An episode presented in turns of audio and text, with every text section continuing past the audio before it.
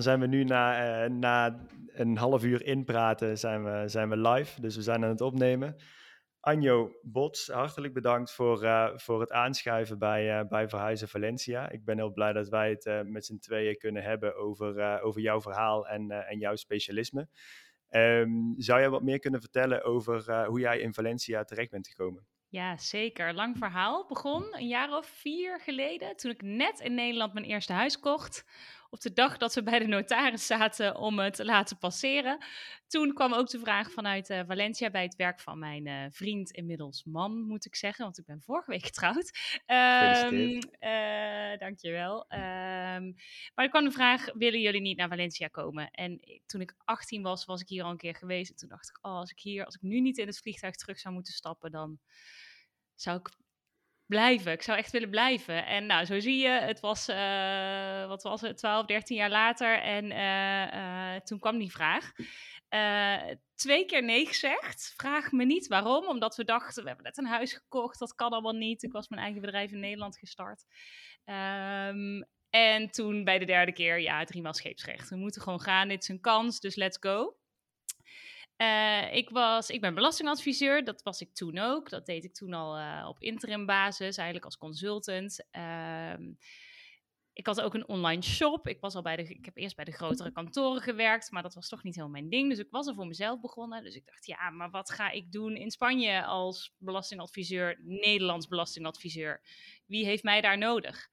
Um, dus ik ben eerst uh, fietstours gaan geven. Ik was ook docent belastingrecht in Nederland. Dus ik dacht, nou ja, weet je, als ik dat buiten kan doen, met mensen informeren, dingen vertellen op de fiets, uh, over het algemeen enthousiastere mensen dan mijn studenten die ik in de collegebank had. Uh, superleuk. En, en mijn vriend werkte, dus ja, wat ga ik doen? Dus dat heb ik een tijdje gedaan. En toen kwam ik hier ontzettend veel Nederlanders tegen. Je merkt het, Valencia is uh, half Nederlands. Uh, en ook mensen die zeiden van, oh, maar ik heb nog wel een vraagje, want ik, heb, uh, ik ben hier nu zo lang, ik heb nog een bedrijf, wat moet ik doen? Moet ik me uitschrijven? Ben ik nou geëmigreerd? Zit het allemaal wel goed? Of mensen die hier een tweede huis hadden en nog wel in Nederland woonden, van, ja, wat moet ik doen? Of andersom, hè? ik woon eigenlijk hier, maar ik heb ook nog een huis in Nederland, wat betekent dat dan? Nou, ik wilde in het begin nog gewoon vrienden maken. Dus die, die mensen heb ik geholpen met, uh, oké, betaal jij mijn lunch? Dan kijk ik wel even mee met je belastingaangifte, dat soort dingen. Uh, en uh, op een gegeven moment dacht ik, ja, maar als ik dit zo vaak kan doen, dan kan ik hier ook wel een bedrijf van maken. en toen heb ik me hier ingeschreven. Ik ben meteen ook geëmigreerd, in verband ook met het, met het werk van mijn man. Dus wij moesten ook meteen over.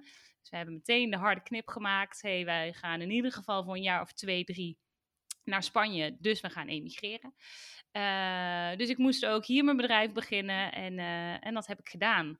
En inmiddels is dat niet meer alleen voor de Nederlanders hier in Valencia, maar is dat voor Nederlanders wereldwijd die in het buitenland zitten of die hè, iets met het buitenland van doen hebben, remote werken, digital nomaden, die een huis ergens anders hebben.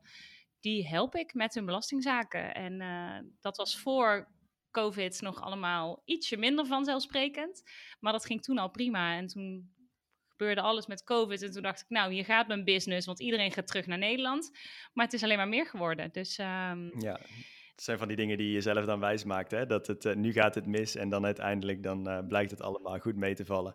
En ik hoor je nu al een paar dingen zeggen in je eigen verhaal die belastingtechnisch volgens mij ook behoorlijk, behoorlijk interessant zijn. Dus je hebt net een huis gekocht en je ja. gaat dan Um, en je gaat dan in het buitenland wonen. En ik heb hier ook uh, mensen gesproken die daar heel veel uh, moeite mee hebben gehad. Die, die zouden niet zomaar hun huis mogen verhuren. Um, en uh, zonder dat ze daar zelf in wonen en zo. En volgens mij is dat, hangen er ook weer allemaal verschillende regels aan, toch? Ja, dat zijn wel spannende dingen. Met name in hypotheekvoorwaarden. Als je, hè, als je een huis koopt in Nederland, dan staat er in je hypotheek is een eigen woninghypotheek. Een woning die je zelf bewoont.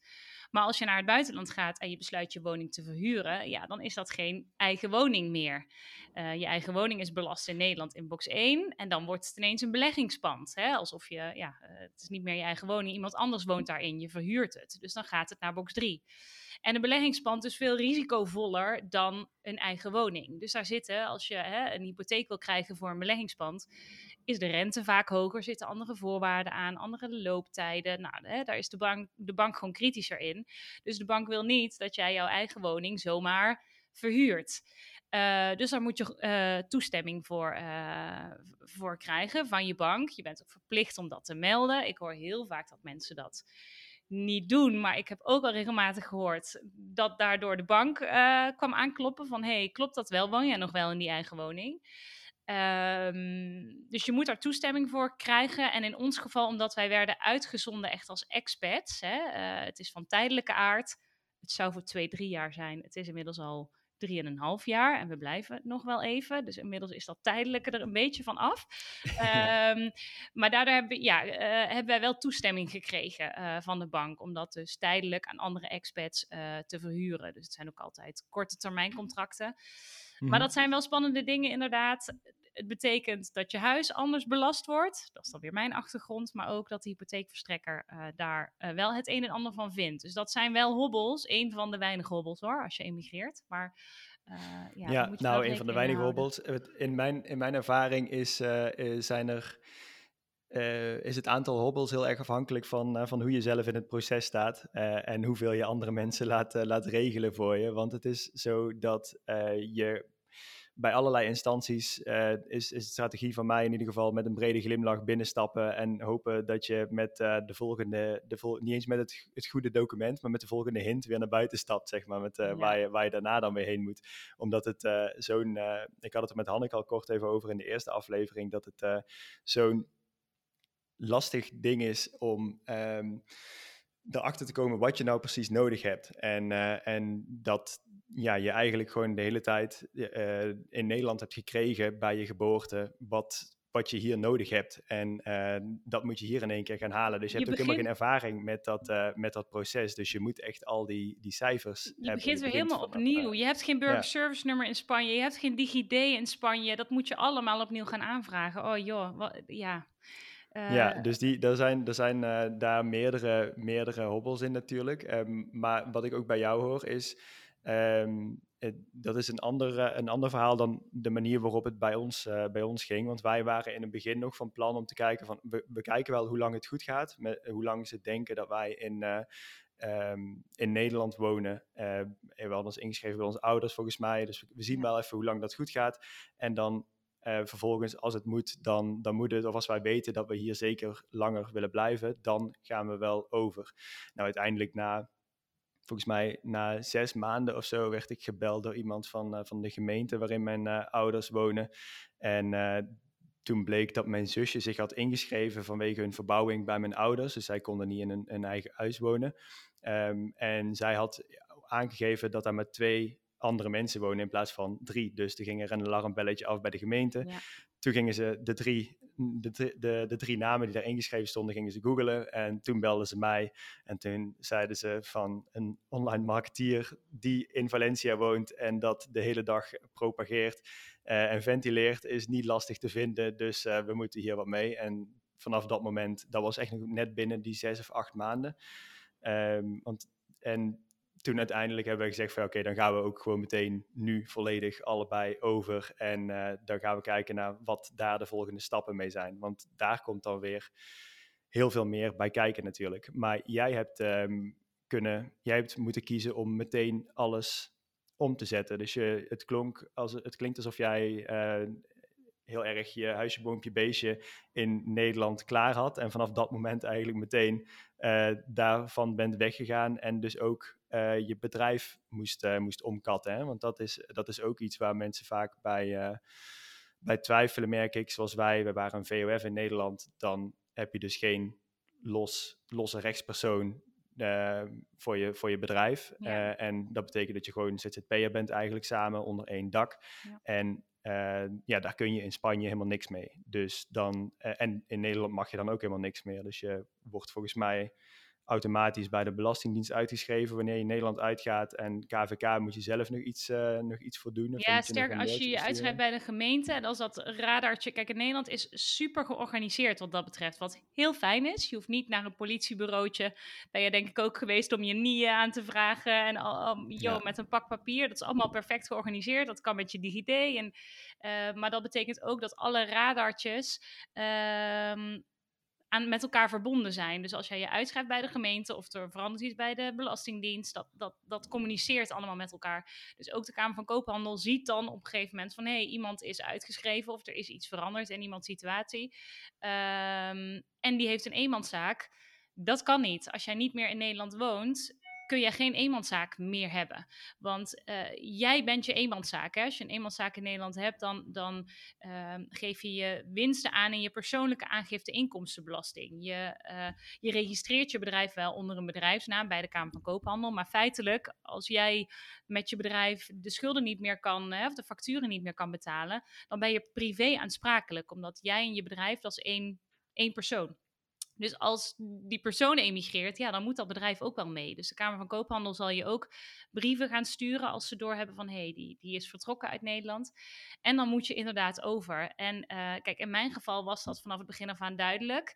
Ik ken de regels natuurlijk, dus ik, ik ben belastingadviseur, dus ik kom er niet mee weg om door te zeggen, ik wist het niet, sorry. Um, en daarbij was het bij mij ook wel, ik wilde ook ik zat op dat moment in een fase in Nederland. Ik had een online shop, daar moest of geld in om te groeien.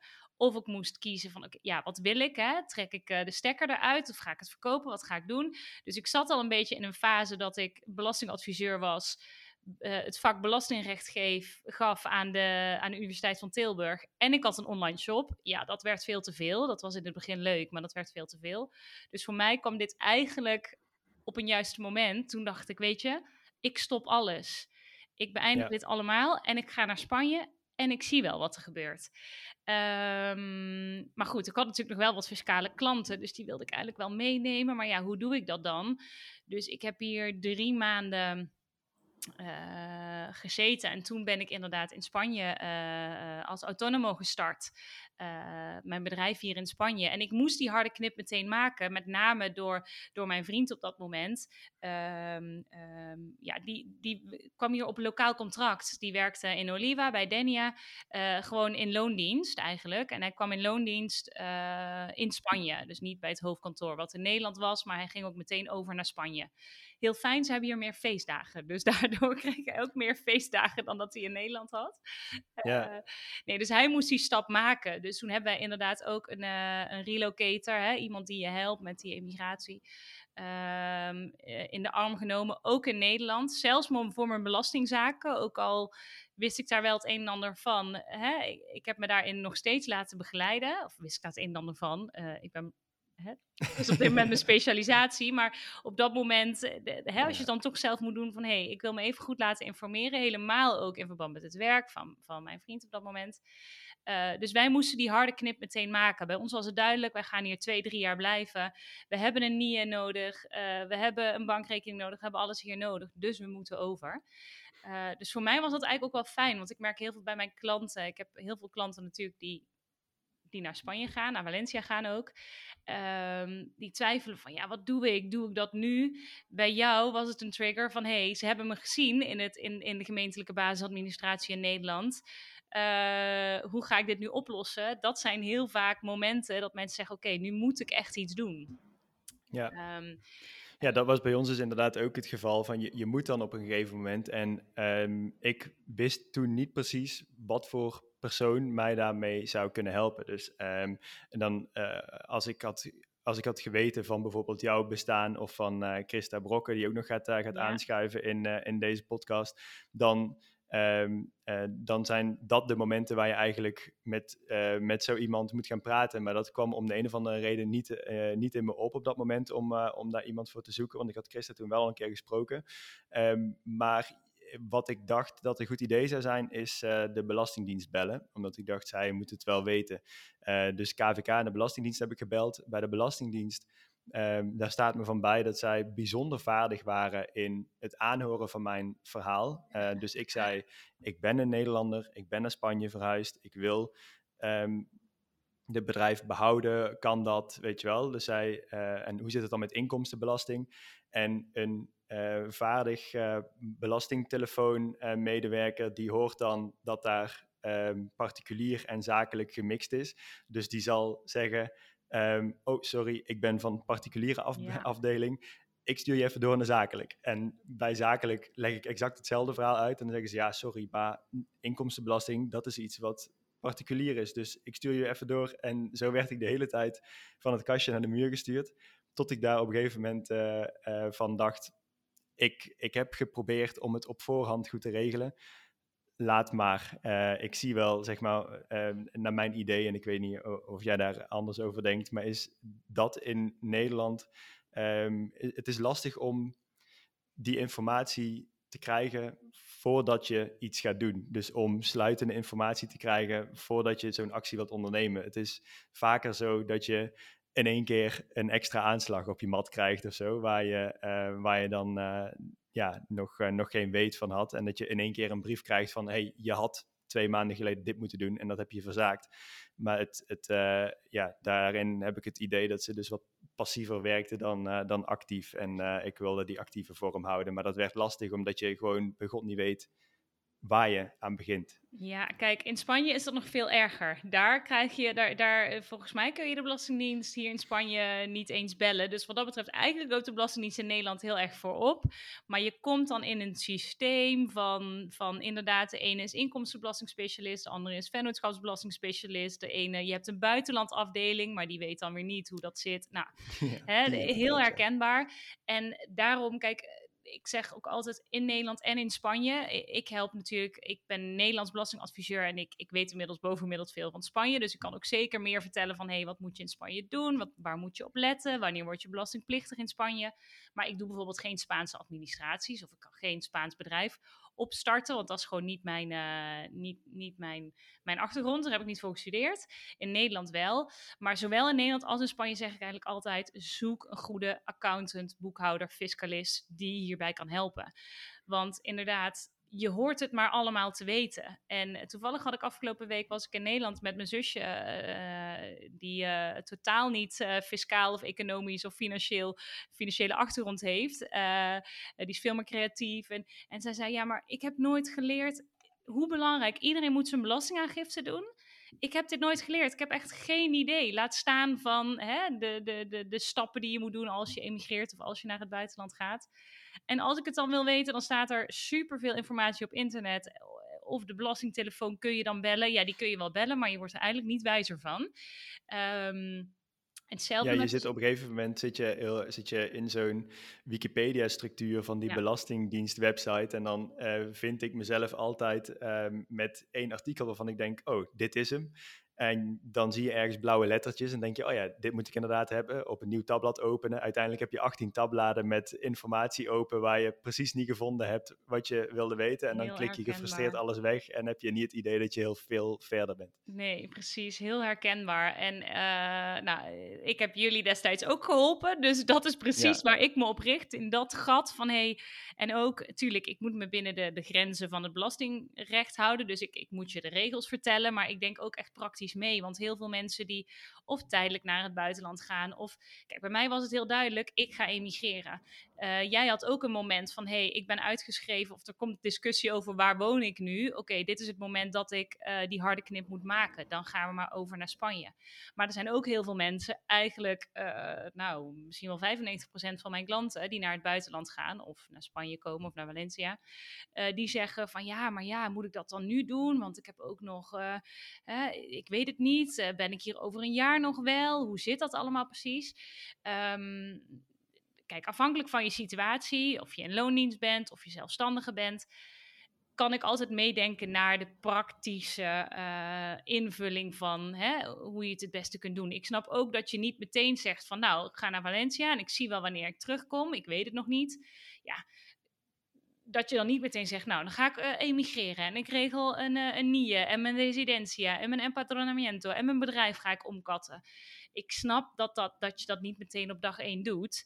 Um, maar ik denk wel dat het goed is om bijvoorbeeld door zo'n podcast als deze te luisteren, uh, door ja, om je te laten informeren van hey, wat zijn de risico's die ik loop? Ik weet dat hier de stad vol zit met mensen die hier misschien al vijf jaar zijn um, ja. en nog steeds in Nederland ingeschreven staan. Ik ken ook mensen, nu jouw verhaal ook weer, kan ik weer toevoegen aan mijn lijstje. Um, het ging een tijdje goed, maar ineens was er een instantie, dat kan in Nederland zijn, maar dat kan ook in Spanje zijn ehm, die mij in het vizier kreeg. Ik heb bijvoorbeeld een keer een klant gehad, dat was ook in Spanje, niet in Valencia.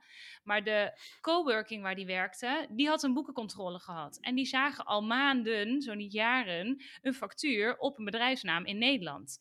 Ja, hoezo huur jij een coworking, uh, coworking space um, al jaren achter elkaar. Waar woon jij dan? Blijkbaar zit jij hier in Spanje.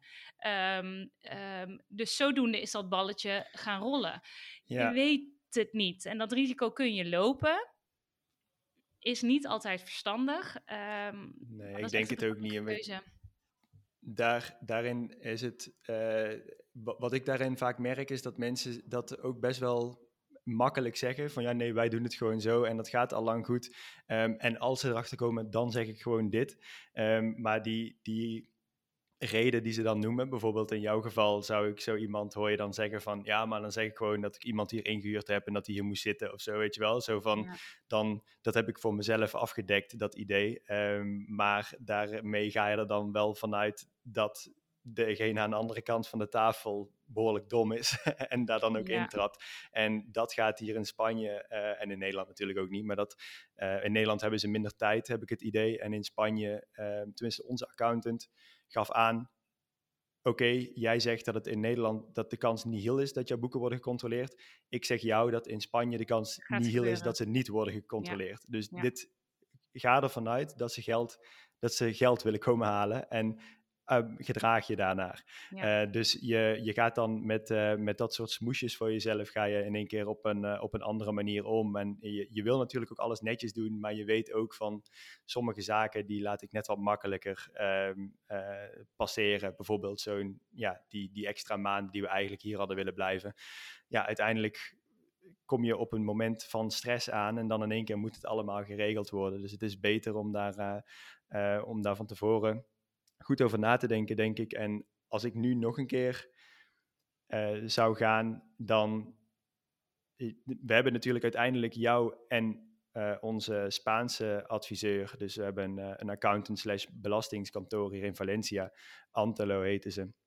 Um, hebben we aan één tafel gehad. En dan merk je echt van oké, nu is het verhaal compleet. Zeg maar. Van nu is er iemand die in Spanje woont, of in ieder geval in het buitenland woont, uh, zoals jij, maar wel Nederlander is en snapt hoe belastingtechnisch bij ons in elkaar steekt. En aan de andere kant zit iemand die om de haverklap dat hele dikke belastingwetboek uh, erbij pakt van uh, Spanje en, en daar de weg in weet. En dan zie je die twee werelden met elkaar communiceren. Maar het wordt, het, de, het is super moeilijk om, om die uh, om die hybride aan een tafel te krijgen, zeg maar. Want je bent vaak op zoek naar een, iemand die dat allemaal voor je kan regelen. Maar zoals jij net al zegt, van ik heb op een gegeven moment mijn grenzen. Van ik ga niet je volledige Spaanse administratie doen. Um, en ja, uh, Alicia heet ze dan, onze Spaanse adviseur. Die heeft natuurlijk ook het idee van ik ga niet te ver die grens over, want ik weet daar mijn weg niet. Dus die, um, ja, als dan iemand op die grens staat om dat estafette-stokje over te pakken, dan is dat, uh, dan is dat wel heel, uh, heel zinvol. En dat, uh, ja, dat zou ik echt iedereen, als je het geld ervoor hebt en je hebt een bedrijf of je, je, je gaat hier in loondienst of je bent in Nederland in loondienst, maar je gaat hier voor langere tijd zitten, probeer dan niet zelf erachter te komen hoe alles zit, maar betaal iemand ervoor om het je uit te leggen. Want dat is echt een onmogelijk woud waar je je in gaat, uh, uh, waar je in gaat begeven.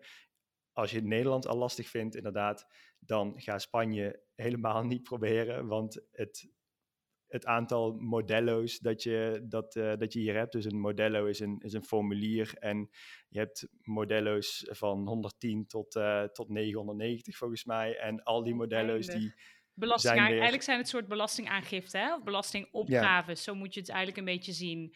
Uh, je ja. btw-aangifte is inderdaad een modello. Hè? Je ICP-aangifte, ik weet niet als je internationaal uh, zaken doet. Binnen Europa moet je in Nederland je ICP-aangifte doen.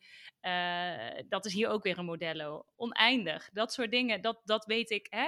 Ik weet de basis en ik weet wanneer je hier belastingplichtig wordt. En ik, ik kan je de basismodello's uitleggen. Maar vervolgens log maar eens in. Ik weet niet of je dat een keer zelf gedaan hebt, Luc. Maar log maar eens in met je clave. Dat is je DigiD in Spanje bij de Belastingdienst in Spanje, ja, getalletjes, uh, hokjes. Ja, kijk, daar certificaat, certificaat digitaal toch? Dat, dat is ook weer zo. Met je certificaat digitaal of zo, dan heb je je, dus dan, dat is eigenlijk een digitale sleutel. Waar, ik verbaas me er altijd over dat die op mijn laptop staat. Ik weet niet meer precies hoe die daar is gekomen. Dat is mij nooit gelukt. Ik heb hem nooit weten te installeren, dus ik werk alleen maar met mijn klawe. Dat is dan weer de DigiD ah, met een app op mijn telefoon certificaten digitaal is me nooit gelukt. Uh, En daarmee loop ik nog steeds tegen dingen aan dat ik die niet heb. Maar, uh, of ik heb hem wel, ja. hij is niet geïnstalleerd.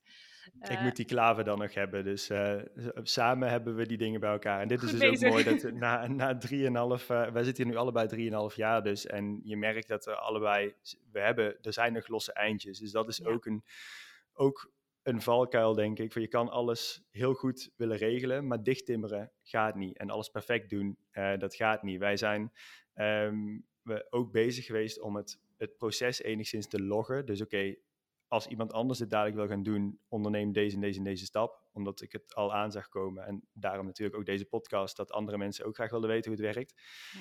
Maar die speurtochten die werden soms zo omslachtig. En dan in één keer werkte de service in Madrid niet. Dan zat er in Valencia um, bij een, uh, een gemeentelijke instantie zat iemand met een kaal hoofd. Daar moesten we naar vragen op een bepaald adres binnen drie kwartier. Dus we moesten die kale vragen om iets voor ons uit te printen. Wij gingen daarheen. Uh, daar zat ook echt iemand. Uh, ik wist zijn naam niet eens, alleen hoe die eruit zag. Hij printte twee formulieren voor ons uit. Die moest ik naar de accountant brengen. En zij zou er dan voor zorgen dat wij hier um, zelfstandiger werden. Ja, zo'n proces ga je niet loggen, zeg maar. Want je gaat nee. niet in een cursus zetten dat, uh, dat je op zoek moet naar... En sterker nog, het kan best zijn dat dat in iemand anders weer heel anders is. Want dan tref je een andere beambte en die zegt... nee, het was dit formulier. Of, ja, dat zijn dingen, daar moet je ook gewoon een beetje aan ja. toegeven. Ik ben ook al drie kwart jaar bezig om mijn rijbewijs... Uh, uh, die ik ben verloren, om te zetten naar een Spaans rijbewijs. Om een afspraak te krijgen. Nou, dat zijn allemaal dingen.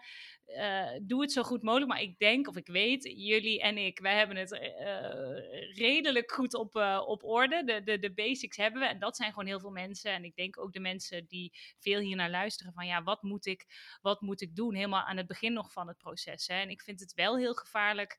Um, als je hier al lange tijd zit en nog steeds je basis in Nederland houdt. Ik snap dat dat makkelijk is omdat je Nederlandse klanten hebt of wat dan ook.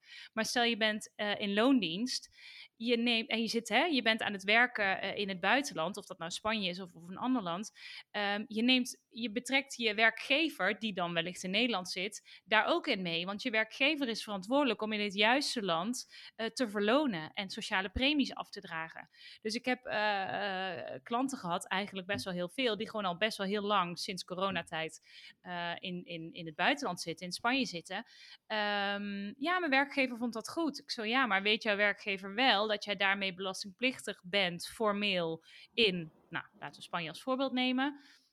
Dat jij hier belastingplichtig wordt, maar dat jij niks aangeeft, maar dat jouw werkgever zich ook niet heeft aangemeld. En die kan daar wel voor verantwoordelijk worden gehouden. Die moet zorgen dat jij in het juiste land sociaal verzekerd bent.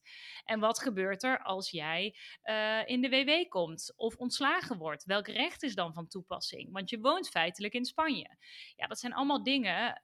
Um, het lijkt, de wereld is zo klein geworden. Je, je stapt uh, in een camperbusje of in het vliegtuig of op een zeilboot. Ik uh, zie alle variaties voorbij komen.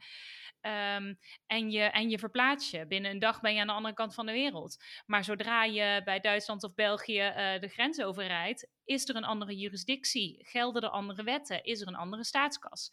Um, en is het hele systeem anders? En dat heeft echt wel gevolgen.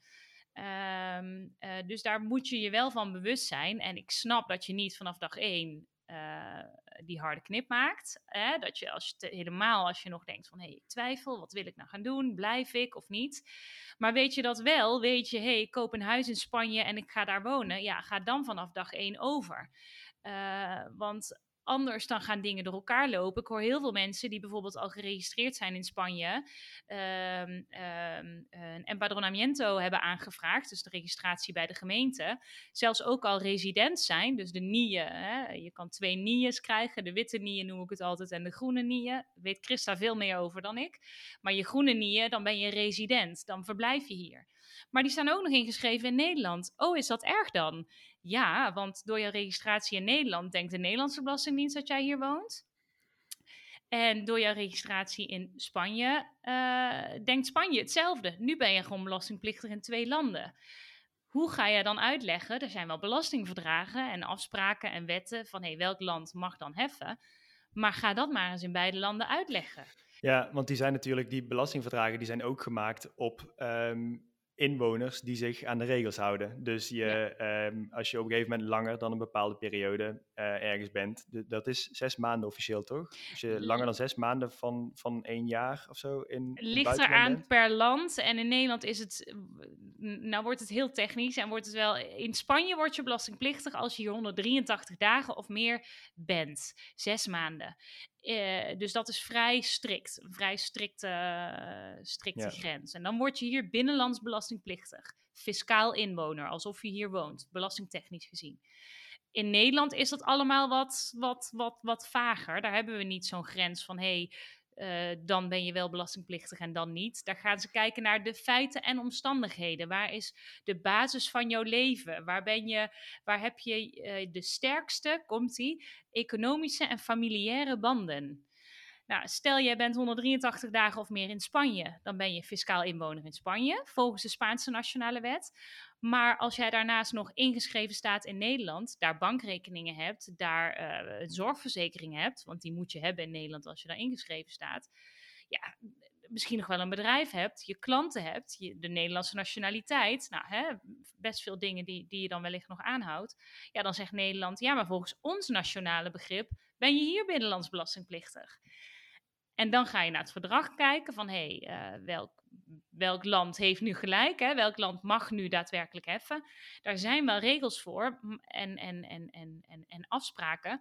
Maar vaak ben je dan al uh, tegen de lamp gelopen. Heeft er dan al een, la een land gezegd van hé, hey, ik wil heffen. En Nederland zegt ja, maar ik wil ook heffen. Uh, dat betekent twee belastingaanslagen, want dat is dan inderdaad wat, je gebeurt, wat, je in, wat er gebeurt, wat jij in het begin ook al zei, Luc. Dan komt er gewoon een brief hey, uh, wij willen jou, wij zien dat jij hier woont, dus wij gaan jouw naheffingsaanslag opleggen, want je hebt geen belastingaangifte gedaan of hè, we menen dat het anders is dan jij ons hebt doorgegeven. Dan heb je al wellicht een dubbele belastingaanslag moeten betalen en kom dan nog maar eens uit dat hele proces. Ga dan nog maar eens in een land je belastinggeld die je al betaald hebt, wat je al betaald hebt, om dat terug te vragen. Ja, dat is echt. Dit is een heel, zwart scenario wat ik nu schets, hè? Want je zult in de wandelgangen of in je coworking space of wat, whatever, zul je horen van, ah joh, zo heet wordt die soep niet gegeten. Maar theoretisch is het wel zo. Um, en er is steeds meer informatieuitwisseling. Dus ze zien steeds sneller van, hé, hey, wat, wat, wat, wat, eh, wat gaat er mis? Of klopt het wel? Hè? Uh, er is geen bankgeheim meer. Ze kunnen heel veel zien. Uh, en die controles worden steeds strenger. En vooral ook in Spanje, ze weten echt wel dat hier de hele Costa Blanca vol zit met Nederlanders, Belgen, Engelsen, Duitsers. Die hier misschien wel wonen, maar geen euro belasting betalen of heel weinig. Niet wat ze zouden moeten betalen. Ja, ja want daar kom je natuurlijk bij het andere punt uit. Van het is ook um, wanneer je bijvoorbeeld, zoals wij, wij zijn uh, vier keer in het jaar, een week of zo in, uh, in Nederland. Uh, wanneer je, zoals wij, hier zo ontzettend veel gebruik maakt van alle voorzieningen, dan is het natuurlijk ook gewoon ethisch gezien fatsoenlijk om hier belasting ja. te betalen. Zeg maar van, dus dat is, dat is het aan de ene kant. En aan de andere kant is het ook zo dat wanneer je niet volledig overgaat, Um, en je vindt het hier heel leuk en je woont hier op een gegeven moment vier jaar en je wil dan een huis gaan kopen. Uh, je komt bij al dat soort uh, levensevenementen, uh, zeg maar grote evenementen in je leven, kom je terecht waar je dan alsnog tegen de lamp aan kunt lopen. Want ja. wanneer je in Spanje, uh, daar zal ik het met, uh, met Erwin over gaan hebben, maar wanneer je hier geen resident bent, dan krijg je weer een volledig andere hypotheek dan wanneer je wel resident bent. Je moet ook minimaal al een jaar of anderhalf, um, dat is iets wat ik nu gok, daar weet jij dan weer meer van, maar moet je hier ook al belasting afdragen om te laten zien dat je hier, dat je dat je er serieus over bent, zeg maar. Want je bent serieus over die relatie. Je jaarrekening kunnen laten zien, of een payroll of iets. En als jij geen geschiedenis opbouwt, dat is heel vaak, dat is vaak het moment dat mensen bij mij komen. Ja, ik wil nu wel iets kopen. Ja, succes, ga maar naar een bank. Je hebt geen, geen, geen Spaanse bankrekening, je hebt geen uh, Spaans bedrijf, je kan niks laten zien. Ja, er is natuurlijk geen enkele, dan kun je nu wel resident willen worden. Van oké, dan is dit het moment, dan ga ik nu de stap maken. Maar dat wil niet zeggen dat jij volgende week een hypotheek hebt. Uh, nee. Omdat je inderdaad tijd nodig hebt. En omdat ook in Spanje, net zo goed als in Nederland, willen ze gewoon een geschiedenis zien. Van hé, hey, wat is jouw inkomen en, en, en, hoe sta je ervoor? Um, en, en, als ze die hier willen zien, dan willen ze ook nog een vertaalde versie zien. als die documenten allemaal in Nederland zijn. En die moet je laten vertalen op een manier die, uh, uh, die niet per se uh, online goedkoop kan, zeg maar. Dus dat, dat zijn allemaal zaken. Ja, dat zijn allemaal zaken waar je, um, waar je makkelijk mee om bent gegaan in het begin. zoals wij dat misschien ook gedaan zouden hebben als, uh, als we niet door de mand gevallen waren, om het zo maar te zeggen. Um, maar waar je uiteindelijk um, ja, toch, uh, toch last van krijgt. Ja, dat, dat zijn dus. En, en um, wat ik als belastingadviseur doe, is je de wet vertellen. En ik probeer natuurlijk in de adviesgesprekken die ik doe ook mee te denken. Want ik snap als jij uh, jong bent of een startend bedrijf. Hè. In Spanje is ondernemen veel duurder dan in Nederland. In Nederland kun je gewoon als startende ondernemer uh, 30, 35.000 euro, pin me dan niet helemaal op vast, maar winst maken. Um, door heffingskortingen, door MKB-winstvrijstellingen, startersaftrek, uh, zelfstandige aftrek. Dat zijn allemaal faciliteiten. Nederland is echt een ondernemersland. We stimuleren dat ondernemerschap. Dus je kan 30, 35.000 euro winst maken als startende ondernemer. als een modaal inkomen. Uh, zonder dat je ook maar 1 euro belasting betaalt. Nou, hier in Spanje val je meteen in de prijzen. Je moet Seguridad Social betalen, sociale lasten krijg je ook wel je verzekeringen voor, hè, zorgverzekering, et cetera. Maar uh, dat is een behoorlijke smak geld en wordt alleen maar duurder. Um, vanaf ongeveer moment 1 betaal je, weliswaar ook met kortingen, maar je betaalt ook IRPF, inkomstenbelasting, hè, wat we in Nederland inkomstenbelasting zouden, zouden noemen. Um, je moet ineens anders gaan factureren, want er gelden andere, de Spaanse BTW-regels gelden. En, en hè, dus je facturen gaan er wat anders uitzien. Ja, ik snap dat dat best wel een flinke stap is, uh, administratief gezien, maar ook uh, financieel gezien. Dat moet je wel allemaal kunnen betalen. Maar van de andere kant, het is ook wel heel lekker dat hier een koffietje nog maar 1,50 kost. En in Nederland uh, 3, 4 euro inmiddels. Hè? Of een biertje. Dus het is natuurlijk wat jij ook zegt. Je moet in het juiste land je fair share bijdragen. En dat betekent ook dat je zult moeten voldoen aan de regels van dat land. En ik snap echt wel dat je dat niet op dag 1 doet.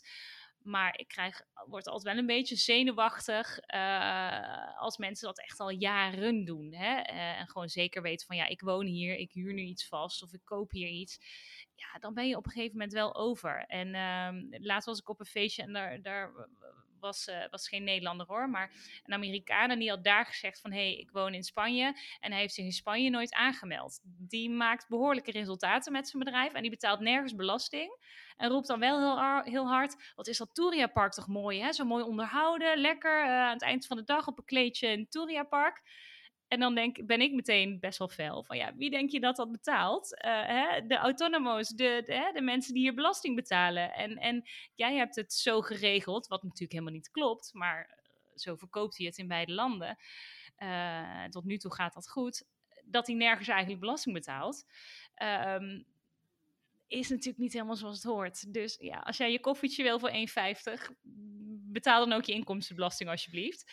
Ja, uh, precies. Ja, dat is dat, uh, dat, uh, dat is dat ethische gedeelte inderdaad waarvan je denkt dat het, het klopt wettelijk niet, maar zelf zou dat bij jezelf zou dat misschien ook enigszins moeten gaan wringen op een gegeven moment. En daar kun je echt wel eventjes, zoals je ook zegt, van ja, kijken wat je wil. Maar als je het uiteindelijk weet, dan ben ja. je ook wel, dan moet ook wel onderhand een keer, moet je ook wel onderhand een keer om. En het is gewoon um, lastig, denk ik, voor, um, voor mensen om te zien welke stappen je moet gaan maken. En dat is denk ik wel waarvoor ze ook bij iemand uh, zoals jou kunnen aankloppen. Van oké, okay, ik um, ga nu om wat, wat moet ik doen? Want ik had, uh, voordat wij spraken, volgens mij nog nooit van een M-biljet gehoord. En uh, dat een M-biljet is, zoals ik het nu interpreteer, uh, corrigeer me als dat helemaal fout is. Maar een M-biljet is gewoon eigenlijk een soort van je afscheidsbrief naar de Nederlandse fiscus. Je laatste, je migratiebiljet. Het is gewoon een belastingaangifte over het jaar dat je emigreert. Dan moet je, dat is een uitgebreide belastingaangifte eigenlijk, omdat Nederland wel wil weten, oké, iemand gaat weg, hebben we nog iets af te rekenen met die persoon? En dat doe je via een M-biljet. Het gaat allemaal automatisch en inmiddels gelukkig ook digitaal. Maar inderdaad, als een migratiebiljet, een M-biljet. Het is een gewone belastingaangifte, maar wel die je doet in het jaar dat je emigreert. En ik had daar dus nog nooit van gehoord. En op een gegeven moment dan, dan heb je dus uh, heb je jezelf uitgeschreven. Je hebt dan in één keer, um, en dat moest dus bij ons snel, dus we konden niet meteen een nieuwe zorgverzekering, we waren ook niet meteen in Spanje ingeschreven. Dus we waren heel even verzekeringloos, dus dat even in zo'n dwaalgebied. Um, en dan krijg je in één keer zo'n pak papieren thuisgestuurd van, uh, van de Belastingdienst. En er zit dan zo'n M-biljet in. Je weet ook niet precies wat dat is. Oké, nu schrijf ik me dus helemaal uit.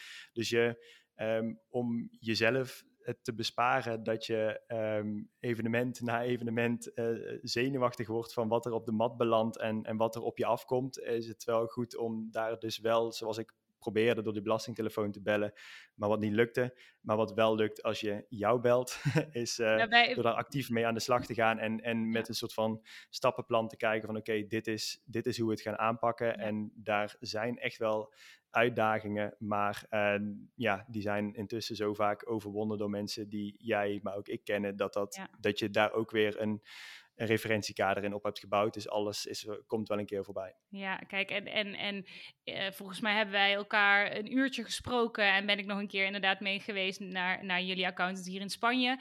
Uh, jullie hadden, dacht ik, eh, moet ik even graven hoor, het is alweer een paar jaar geleden, maar ook een accountant in Nederland. Dus ik was een beetje de spil daartussen. Uh, van, ja. hè, en, en de, de, de uitleg daartussen, tussen de Nederlandse account en, en opnieuw in Spanje. maar dat is eigenlijk wat ik altijd. Kijk, met een uurtje bellen weet je al zoveel meer met mij. Maar ook, hè, uh, uh, ook als je komt, ja, ik persoonlijk ben ook zo, ik wil dat dan goed geregeld hebben. Ga in eerste instantie naar je eigen accountant. Zoek in Spanje een relocator die dingen kan regelen als je NIE, je Spaanse burgerservice nummer, je zorgverzekering, je empadronamiento. Die hebben ingangen om toch een afspraak te krijgen bij dat politiebureautje waar je naartoe moet om je NIE aan te vragen. Uh, dat, die, die weten gewoon hoe de hazen lopen. Dus die, dat, bespaart je zoveel gedoe.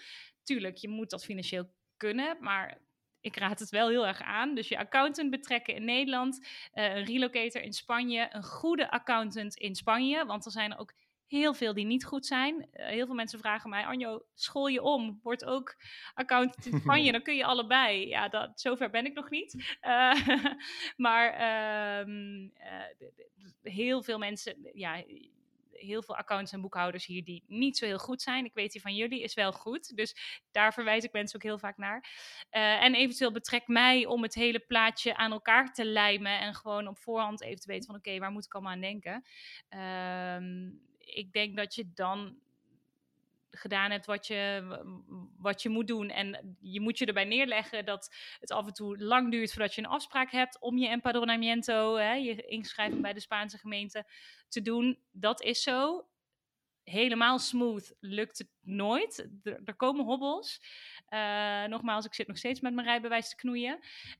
Um, maar um, ik denk dat dat wel dat, dat het gewoon waard ja. is om dat gewoon soepel te doen en met rust. Dat lijkt, me, dat lijkt me ontzettend uh, goed advies om, uh, om mee af te sluiten. En stel ze willen daar dus op ingaan, uh, waar, kunnen ze, waar kunnen ze jou vinden? Ja, ik, het makkelijkste is mijn website www.digitexnomad.nl. Digital Nomad, maar dan tax, T-A-X, uh, van taxes, van belastingen. Uh, LinkedIn, mijn naam is Anjo Bots, daar kun je me vinden. Instagram Digitex Nomad, uh, Facebook Digitex Nomad of op straat in Valencia, ergens. op een terrasje. op een terrasje. Fijn. Hartelijk bedankt voor het aanschuiven, Anjo. Heel yes. erg waardevolle informatie, denk ik. ook voor mij weer een opfriscursus. En we spreken elkaar vast snel. Zeker. Hartelijk bedankt. Goedjes, jij bedankt. Doei, doei. Hoi.